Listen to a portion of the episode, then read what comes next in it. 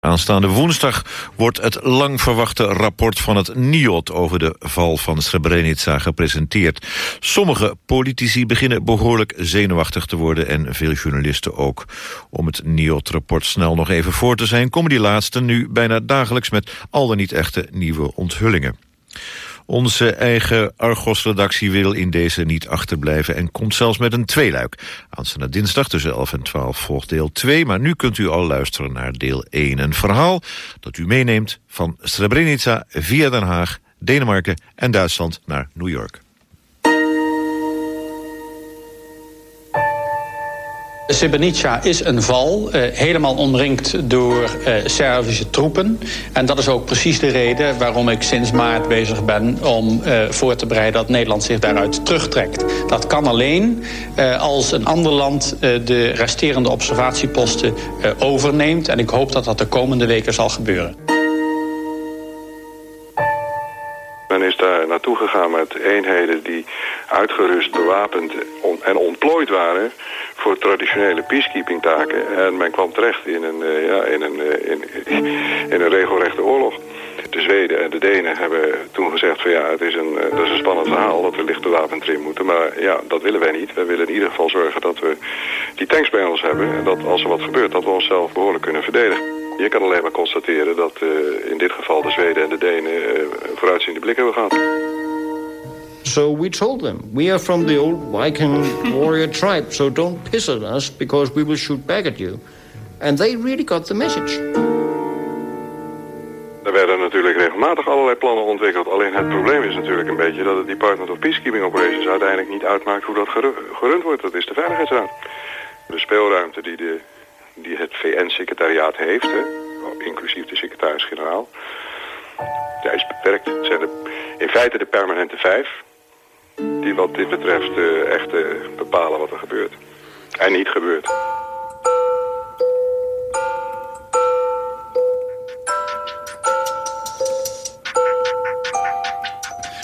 De Serviërs willen alleen het zuidelijke deel van de enclave... want uh, daar bevindt zich een mijn en een belangrijke doorgangsweg. Dat had een zekere logica. Daarbij zei men, de Serviërs zullen echt niet zo dom zijn de hele enclave in te nemen. Want dan krijgen ze de hele wereld tegenover zich. Dit is gewoon niet in hun belang. Als laatste hoorde u oud-minister Voorhoeven van Defensie... over de situatie begin juli 1995... toen de Bosnisch-Servische troepen al waren begonnen... met hun aanval op Srebrenica. De algemene inschatting was zelfs toen nog... dat zij alleen het zuidelijke deel van de enclave wilden veroveren. Waarom is in 1995 de aanval van de Bosnische Serviërs op Srebrenica niet voorzien? Dat is nog steeds een van de belangrijkste onopgehelderde kwesties rondom het drama Srebrenica. Tot op het laatst toe is de Servische aanval op de door Nederlandse VN-troepen beschermde moslim-enclave onderschat onderschat door de politieke en militaire leiding in Den Haag... maar zeker ook door de Verenigde Naties. Zoals de Nederlandse topambtenaar De Winter in mei 2000... uitlegde aan een onderzoekscommissie van de Tweede Kamer. volgens de VN, op gezag van de VN ook volgens, uh, dacht ik, de landmachtleiding... ging het uitsluitend om die Zuidoostpunt. Pas later zou blijken dat de bedoelingen van de Serviërs aanzienlijk verder gingen. Onderschatting dus. Niet voorzien. Althans, dat is het beeld dat ook nu nog naar buiten toe wordt uitgedragen. Maar is dat ook juist? Had men werkelijk niet in de gaten dat de Serviërs de hele enclave wilden innemen? Argos ontdekte dat het Department of Peacekeeping Operations... op het hoofdkwartier van de Verenigde Naties in New York... al in het vroege voorjaar van 1995 over informatie beschikte... dat de Serviërs voorbereidingen troffen voor een grote aanval op Srebrenica. Wij kregen in New York regelmatig rapporten over de situatie ter plaatse... die duidelijk lieten zien dat de Bosnische Serviërs de safe areas mogelijk wilden aanvallen. Die informatie werd zo serieus genomen dat een voorstel werd ontwikkeld... om de lichtbewapende Nederlandse militairen van Dutchbed en Srebrenica... te vervangen door een veel zwaarder bewapende VN-eenheid. In dat geval zou het bloedbad niet hebben plaatsgevonden. Ik durf te stellen in dat geval zouden de Serviërs het niet hebben aangedurfd om aan te vallen. Argos, vandaag over weggemoffelde informatie... en vroegtijdig gesneuvelde voorstellen. Een verhaal over tanks, robuust optreden en gemiste kansen.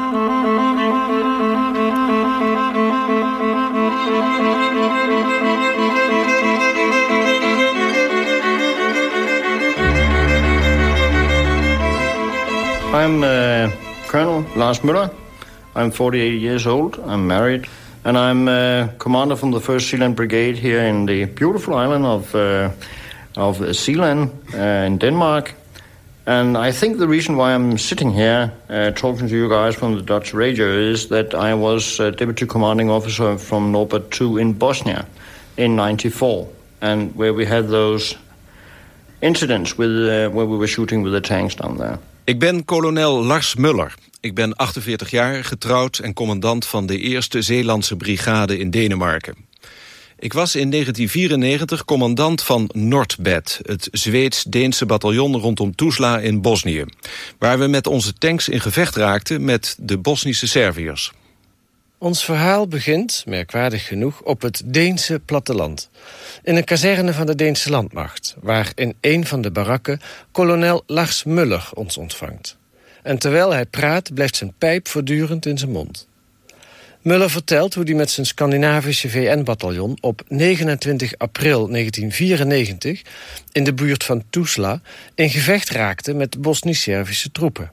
Zijn Noordbad beschikte over 10 moderne Leopard-tanks en was daarmee verreweg de zwaarst bewapende VN-eenheid in Bosnië. What happened was one of our observation posts was shelled heavily that night. And uh, we executed a kind of relief plan with our tanks, which we have done several times before. Een van onze observatieposten werd s'avonds laat hevig onder vuur genomen... en wij voerden een plan uit om met onze tanks steun te verlenen. Een plan dat we al verschillende keren hadden geoefend. We wisten dat het de Bosnische Serviërs waren die op ons schoten. Dat was al vaker gebeurd. Maar de keren daarvoor hielden ze er steeds mee op... als we met onze tanks naar buiten kwamen. Dit gebeurde nu helaas niet. We werden echt met zwaar geschut bestookt. Volgens onze gedragsregels stelden we onze wit geschilderde tanks in verlicht terrein op, zodat de Serviërs duidelijk konden zien dat het VN-troepen waren die ze onder vuur namen. Toen ook dat niet hielp, heb ik bevel gegeven om het licht uit te doen... en met onze tanks op te rukken naar de observatiepost. Dit omdat ik onze militairen bij de observatiepost niet alleen wilde laten. Nog steeds schoten wij niet terug, hoewel dit volgens de gedragsregels van de VN op dat moment al wel had gemogen. I ordered the, the uh, squadron commander to put out the lights and then to go into a kind of uh, should we call it more warlike uh, type of operations, still not shooting back. We rukten op met onze tanks en de beschietingen gingen door. Hoewel het niet gemakkelijk is om met artillerie te vuren op een bewegende kolonne... deden de Serviërs het vrij goed. De granaten vlogen ons om de oren. Op een haar na werd een van onze tanks geraakt door een Sagger, een raket van Russische makelij. Toen vond ik het welletjes en gaf bevel om de bunker uit te schakelen... van waaruit deze raket was afgeschoten. Twee van onze tanks rukten verderop in de richting van onze observatiepost. De rest bleef achter om rugdekking te verlenen. Nadat de twee voorste tanks de observatiepost hadden bereikt... hielden de beschietingen op en gaf ik aan de andere tanks bevel om terug te keren naar onze basis. Op de terugweg werden we opnieuw onder vuur genomen, maar nu van de andere kant. Ik gaf bevel om nu volop terug te vuren. We wisten precies waar de bunkers waren van waaruit we werden beschoten... en we slaagden erin die uit te schakelen. Het hele gevecht duurde enkele uren. Aan onze kant vielen er gelukkig geen doden. De volgende dag meldden de Serviërs dat zij zeven doden en vier gewonden hadden. Maar later heb ik begrepen dat ze in werkelijkheid 150 doden hadden te betreuren. Omdat we ook een munitieopslag hadden geraakt. As it turned out, we killed a lot of Bosnian Serbs. Unofficially, uh, we heard that later when we came down there in, in, in the frame of, of I-4. Uh, I think we were maybe killing more than 150. Het was zonder meer al heel uitzonderlijk dat de Denen bij de Verenigde Naties hadden weten door te drukken dat ze tanks meenamen naar Bosnië. Maar dat de Deense VN-militairen ook nog terugschoten met die tanks toen ze werden aangevallen, was helemaal een breuk met de manier waarop de VN-troepen in Bosnië tot dan toe hadden opgetreden. Door veel hoge officieren bij de Verenigde Naties werd dat enthousiast ontvangen.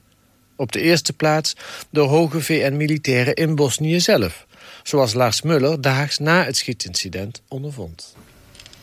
In the morning, I know that there, uh, during the briefing in the uh, headquarters in Kislyak, that briefing of the Bosnian-Herzegovina command, uh, there was totally silence when, when it was announced that the Danish tanks had shot back 72 uh, uh, shells and destroyed uh, some Serbian bunkers and whatever. And then there was actually a riot of applause, and it took at least three minutes to get the uh, to get order in in that. That was a uh, that was a kind of a sign of how frustrated it was. In de ochtend, tijdens de dagelijkse briefing op het VN-hoofdkwartier van het commando...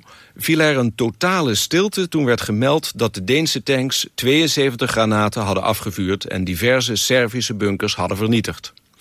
Toen barstte er een enorm applaus los... en het duurde minstens drie minuten voordat het weer stil werd. Dat was een teken van de frustratie die er heerste.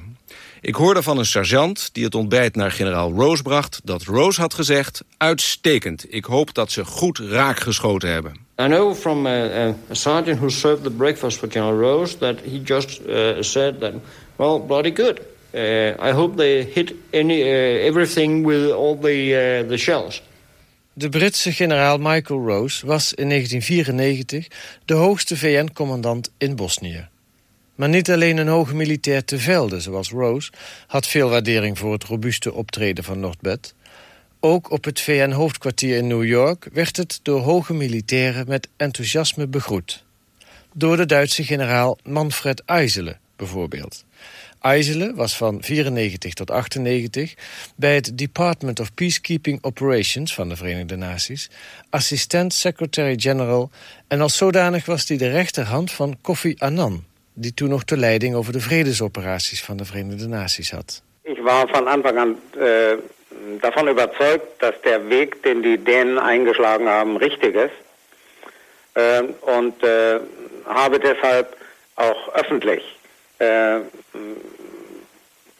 wann immer ich dazu befragt worden bin, die Dänen für ihre, ihren Entschluss und ihre Entschlossenheit mhm. Äh, ausdrücklich gelobt äh, weil ich der Auffassung bin, dass man äh, prinzipiell äh, politische Entschlossenheit besser durch Stärke demonstriert und nicht äh, äh, ausschließlich auf den guten Willen aller Beteiligten setzt. Ik was er vanaf het begin af aan van overtuigd dat de manier waarop de Denen hun troepen destijds naar Bosnië hebben gestuurd juist was. Ik heb ook eerder al in het openbaar die Denen uitdrukkelijk geprezen voor hun vastberadenheid. Dit omdat ik van mening ben dat men politieke vastberadenheid beter tot uitdrukking brengt door kracht. Men moet in zo'n oorlogssituatie niet alleen maar uitgaan van de goede wil van alle betrokken partijen.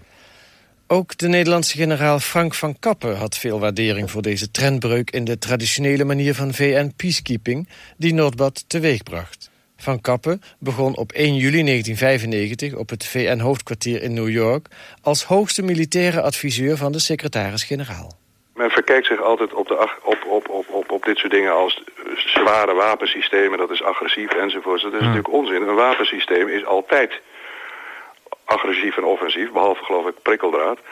Uh, en mijnen misschien. Maar het wapensysteem is ook zo agressief als de rules of engagement. Je kan wel een uh, geweldig wapensysteem daar neerzetten... maar als de rules of engagement, dat zijn de instructies die je hebt voor het gebruiken... als die je niet toestaan om het te gebruiken in een agressieve situatie... dan houdt het op. Maar wat altijd mag, je mag je altijd verdedigen. Ja. Dus onder de rule van self-defense, zelfverdediging, verdediging van jezelf en, en je mandaat mag je altijd uh, alle wapens gebruiken die tot je beschikking staan. En dat is wat de Denen en de Zweden in hun achterhoofd hebben gehad. Die hebben gezegd, we nemen gewoon die tanks mee. Als we ze niet, we hopen dat we ze niet hoeven te gebruiken. Maar als we aangevallen worden, dan zullen we ze gebruiken. Dat hebben ze ook gedaan.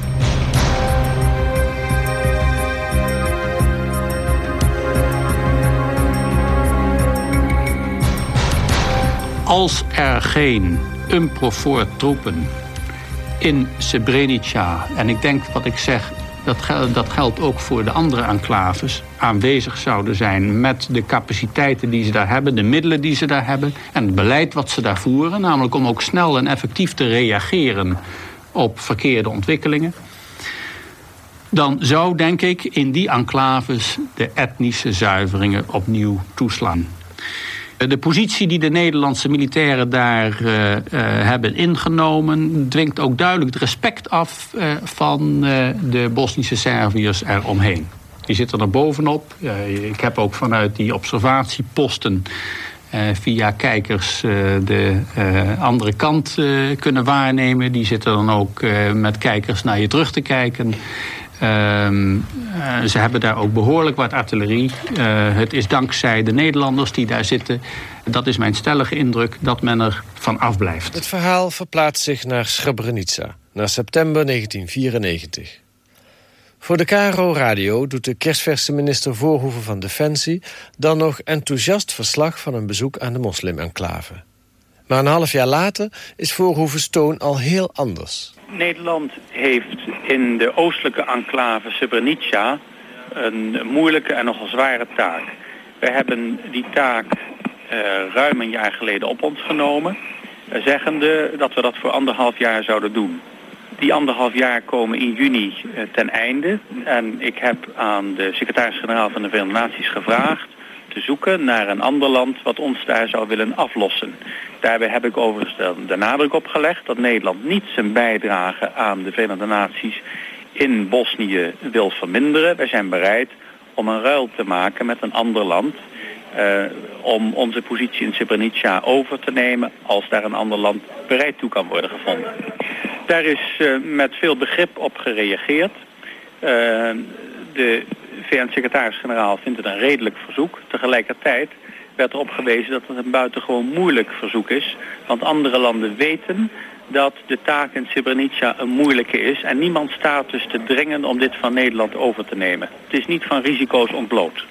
Minister Voorhoeven op 18 maart 1995 voor de Tros Radio. Hij heeft secretaris-generaal Boutros Ghali van de Verenigde Naties verzocht om aflossing voor Dutchbed. De positie van de Nederlandse VN-troepen in de moslim-enclave wordt op dat moment steeds benader. De Bosnische Serviërs knijpen de bevoorrading meer en meer af. Maar dat deze uitputtingstactiek door de Serviërs wel eens een voorbode zou kunnen zijn van veel meer, namelijk de totale verovering van de enclave, valt nergens te beluisteren. Want daarvoor is geen enkele aanwijzing. Zo zal men tot vlak voor de val van Srebrenica in juli 1995 blijven volhouden. Kolonel Dedde, woordvoerder van de crisisstaf van de Nederlandse landmacht... verklaart bijvoorbeeld op 10 juli 1995... dat is een dag voor de val van de enclave voor Veronica Nieuwsradio. Ik denk dat uh, nu de hele zuidrand van de enclave in feite bezet wordt door uh, de Bosnische Serviërs... dat zij daarmee hun doel bereikt hebben. En dat is uh, de weg die van oost naar west loopt, zuid langs de enclave. Die hebben ze nu volledig onder controle. En ik vermoed dat dat het doel is geweest van, van de Bosnische Serviërs. Je hebt niet de indruk dat Srebrenica in zijn geheel zou moeten worden ingenomen door de Serviërs? Dat dat hun doel is? Er is geen aanwijzing die, die daarop wijst. Ook de Verenigde Naties blijven het beeld ophouden dat ze in dat voorjaar van 1995 niet beschikten over informatie die wees op een op handen zijnde grote aanval op Srebrenica. Zo schrijft Kofi Annan in november 1999, hij is dan inmiddels opgeklommen tot secretaris-generaal van de Verenigde Naties, in zijn evaluatierapport over de val van de enclave, The Fall of Srebrenica, ik kan bevestigen dat de VN, die voor zulke inlichtingen af moest gaan op informatie van de lidstaten, van tevoren geen weet had van het Servische offensief.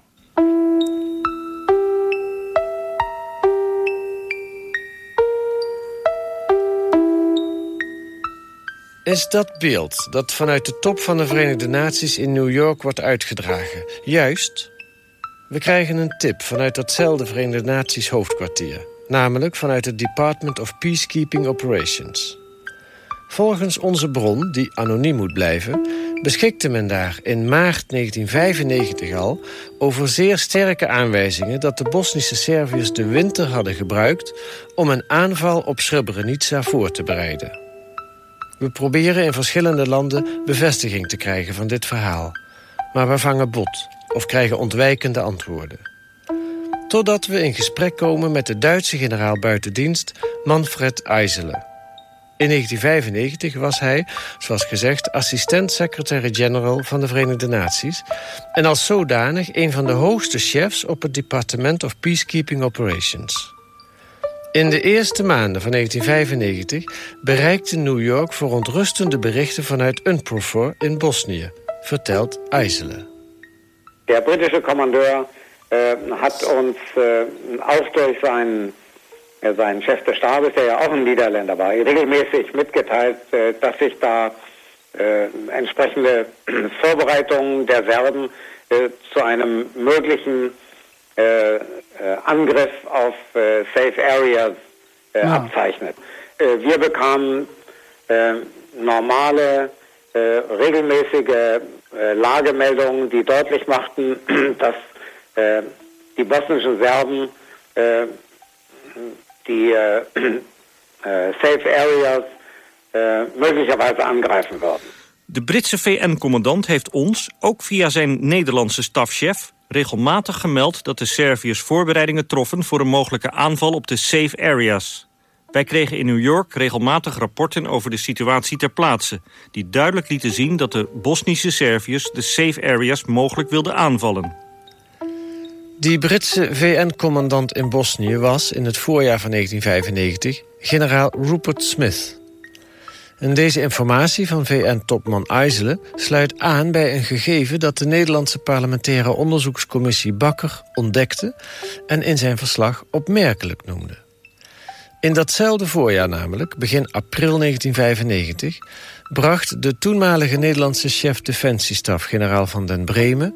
een bezoek aan UNPROFOR-commandant Rupert Smith in Sarajevo... En Smith zinspeelde tegenover Van den Bremen volop... over een volledige verovering van de enclaves in Oost-Bosnië... waaronder Srebrenica door de Bosnisch-Servische troepen. De commissie Bakker noemt dit gegeven opmerkelijk... omdat van die inschatting van de Engelse generaal... in de daaropvolgende maanden niets is terug te vinden... in de inschatting van de Nederlandse militaire top. En eveneens opmerkelijk, omdat daarvan ook niets is terug te vinden... in de inschatting die minister Voorhoeven van Defensie maakte. Toch had Voorhoeven van generaal Van den Bremen onmiddellijk een uitgebreid verslag gekregen over diens gesprek met Rupert Smith in Sarajevo.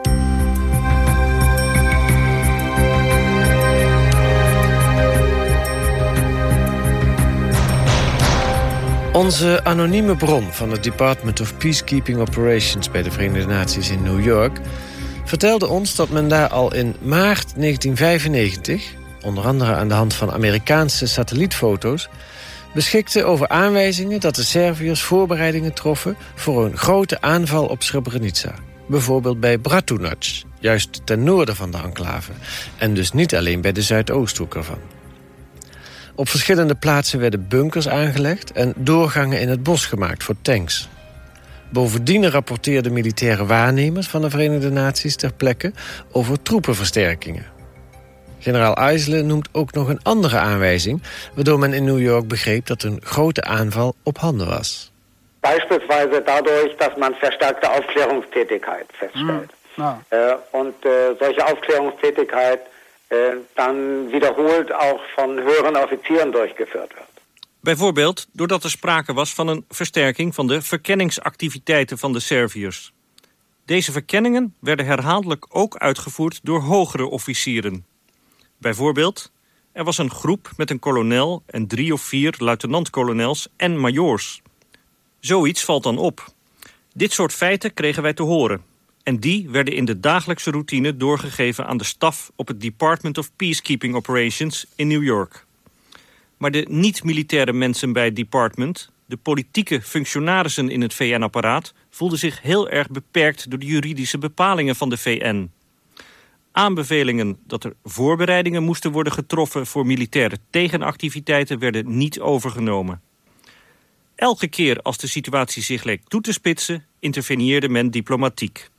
Het idee dat het in Bosnië zou kunnen komen tot een gewapend treffen tussen VN-militairen en een van de partijen in het conflict werd systematisch verzwegen of terzijde geschoven. Die voorstelling ehm, dat het dort zu einer militärischen Auseinandersetzung ehm, der Blauhelme gegen eine der äh, Konfliktparteien äh, kommen könnte, äh, ist systematisch verschwiegen oder im Grunde genommen nicht zur Kenntnis genommen worden.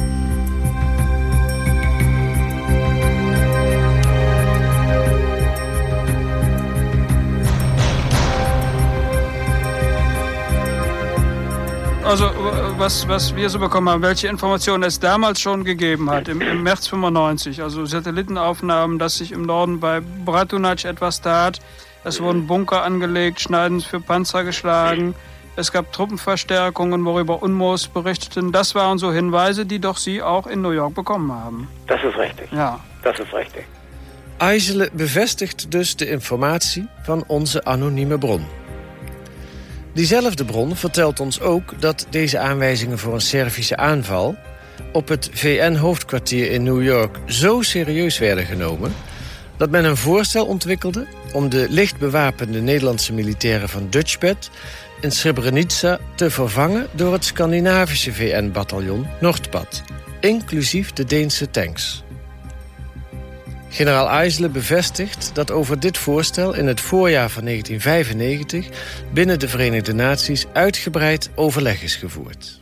Äh, spätestens seit dem Frühjahr 1995 hat sich der Gedanke, äh, vor allen Dingen unter den Soldaten bei DPKO, entwickelt, ob man diese dänischen Panzer nach Srebrenica einbringen sollte, um die Blauhelme in die Lage zu versetzen, sich feindseligem Verhalten äh, erfolgreich äh, zu widersetzen.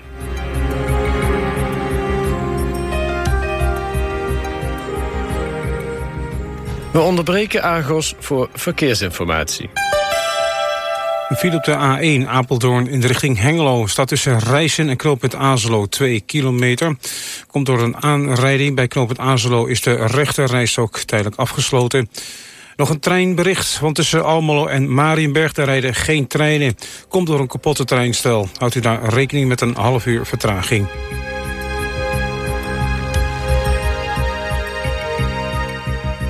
U luistert naar de ochtenden op Radio 1, de VPRO met het programma Argos. Vandaag over de vraag of het wel waar is dat zowel de Nederlandse politieke en militaire leiding als ook de Verenigde Naties in het voorjaar van 1995 niet hebben voorzien dat er een grote Servische aanval op Srebrenica op handen was. Argos bericht vandaag dat er al in maart 1995 op het VN-hoofdkwartier in New York informatie beschikbaar was die erop wees dat de Bosnische Serviërs zo'n aanval aan het voorbereiden waren. In New York werd zelfs om die reden het voorstel ontwikkeld om het licht bewapende Dutchbed in Srebrenica te vervangen door het in Tuzla gelegerde Zweeds-Deense Noordbed, inclusief de tien tanks waarover dat bataljon beschikte. Het voorstel om de Deense tanks en Noordbad vanuit Tuzla te verplaatsen naar Srebrenica kwam niet zomaar uit de lucht vallen. Het idee om de Deense tanks op andere plaatsen in Bosnië in te zetten had ook al eerder gespeeld, namelijk in 1994, toen UNPROFOR-commandant generaal Roos erg enthousiast was over de mogelijkheden die het gebruik van deze zware wapens boden. Zo vertelt kolonel Lars Muller, die toen commandant was van Noordbad. Actually, so much that he wanted them to go to Sarajevo uh, in order to use them in enforcing the uh, the ceasefire in Sarajevo. Mm -hmm. And and they actually stopped three days in the town of Vitez uh, in order to await a decision whether were going to Sarajevo, that was turning right, or going straight up north uh, to Tuzla. Rose was zo enthousiast dat hij op een gegeven moment de tanks wilde inzetten in Sarajevo... om daar een staakt het vuren af te dwingen. Onderweg moesten de tanks drie dagen wachten op het besluit of ze inderdaad door naar Tuzla moesten rijden of naar Sarajevo. Met de Deense legerleiding werd daarover onderhandeld. Wij waren blij toen we hoorden dat de tanks naar Tuzla kwamen... omdat we ze daar nodig hadden.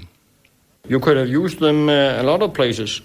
Uh, because, I mean, in, in those days... one old T-55 tank was almost an operational asset for the local commander. And here we were talking about a squadron of 10 Leopard tanks...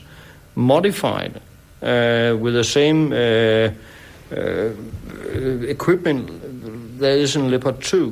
So, so they were heavily strategic importance, those tanks. Je kon die tanks op een groot aantal plaatsen inzetten. Op dat moment kon zelfs een oude Russische T-55-tank... al een groot probleem vormen voor een VN-commandant ter plaatse. En hier spreken we over een squadron van 10 supermoderne Leopard-tanks. Dus deze tanks waren van groot strategisch belang. De Deense tanks waren van groot strategisch belang. Aldus kolonel Lars Muller. Dat was ook de reden dat er in het voorjaar van 1995 op het VN-hoofdkwartier in New York gediscussieerd werd over de inzet van de tanks in Srebrenica.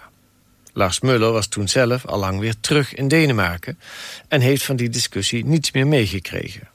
Mullers opvolger als commandant van Noordpet, de Deense luitenant-kolonel Split, was toen ook al net weer terug. Maar Split heeft er wel over gehoord. Er waren geruchten dat de tanks naar Srebrenica zouden gaan... toen ik terugkwam naar Denemarken. Zo vertelt hij tegen ons.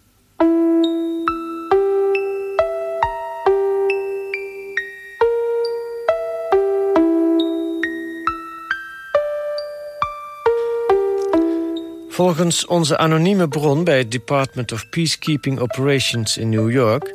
heeft Kofi Annan op 2 april 1995 over het voorstel om de Deense tanks naar Srebrenica te verplaatsen... overlegd met Madeleine Albright. Op dat moment de ambassadeur van de Verenigde Staten bij de Verenigde Naties. Albright zou het plan hebben afgewezen. Maar dit deel van het verhaal krijgen we niet bevestigd. We vragen Kofi Annan om een reactie. Maar van zijn woordvoerder krijgen we te horen dat Annan geen enkel commentaar wil geven. Hij verwijst alleen naar het VN-evaluatierapport uit november 1999 over de val van Srebrenica. Ook generaal Eisele zegt niets over het overleg met Albright te weten. Wel vertelt Eisele dat hij over het voorstel overleg heeft gepleegd... met de VN-ambassadeurs van Engeland en Frankrijk. Uiteindelijk is het voorstel in een vroeg stadium gesneuveld... bij gebrek aan steun van de vijf permanente leden van de Veiligheidsraad.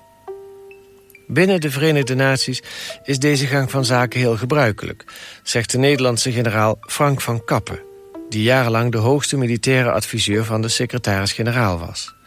Dit soort voorstellen worden altijd eerst aan de leden van de Veiligheidsraad voorgelegd. Werden allerlei plannen ontwikkeld. Alleen het probleem is natuurlijk een beetje dat het Department of Peacekeeping Operations uiteindelijk niet uitmaakt hoe dat gerund wordt. Dat is de Veiligheidsraad.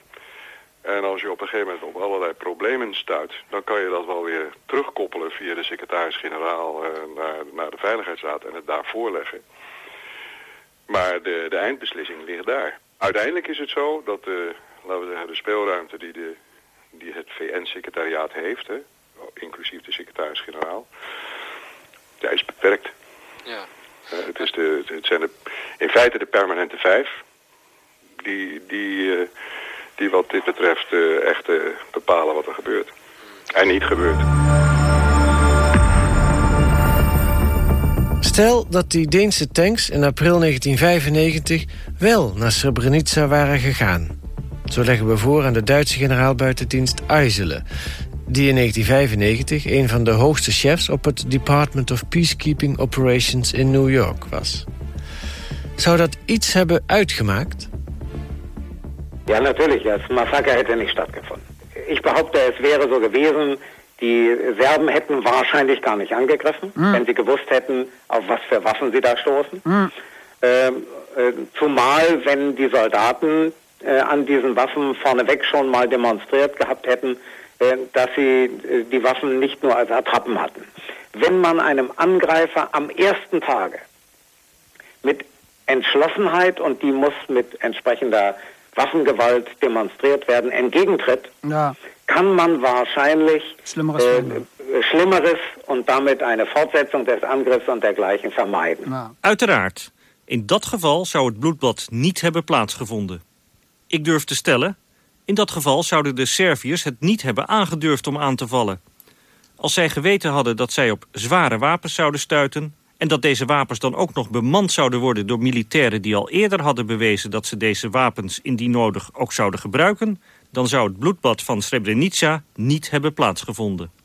Als je een aanvallende partij van begin af aan vastberaden en krachtdadig tegemoet treedt...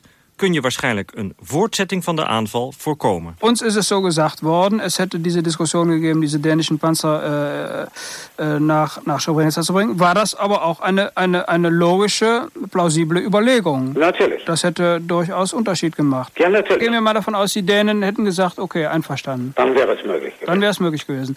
Aber man hätte die dann doch durch serbisches Gebiet äh, äh, bringen müssen. Na, die wären da durchgefahren. Die wären da durchgefahren. Und die wären ungehindert da durchgefahren. Ja, ja. Was, was, was hätte man da noch benötigt, um, um, um, um, um die Panzer dann da sicher auch, auch hinbringen zu können? Nichts.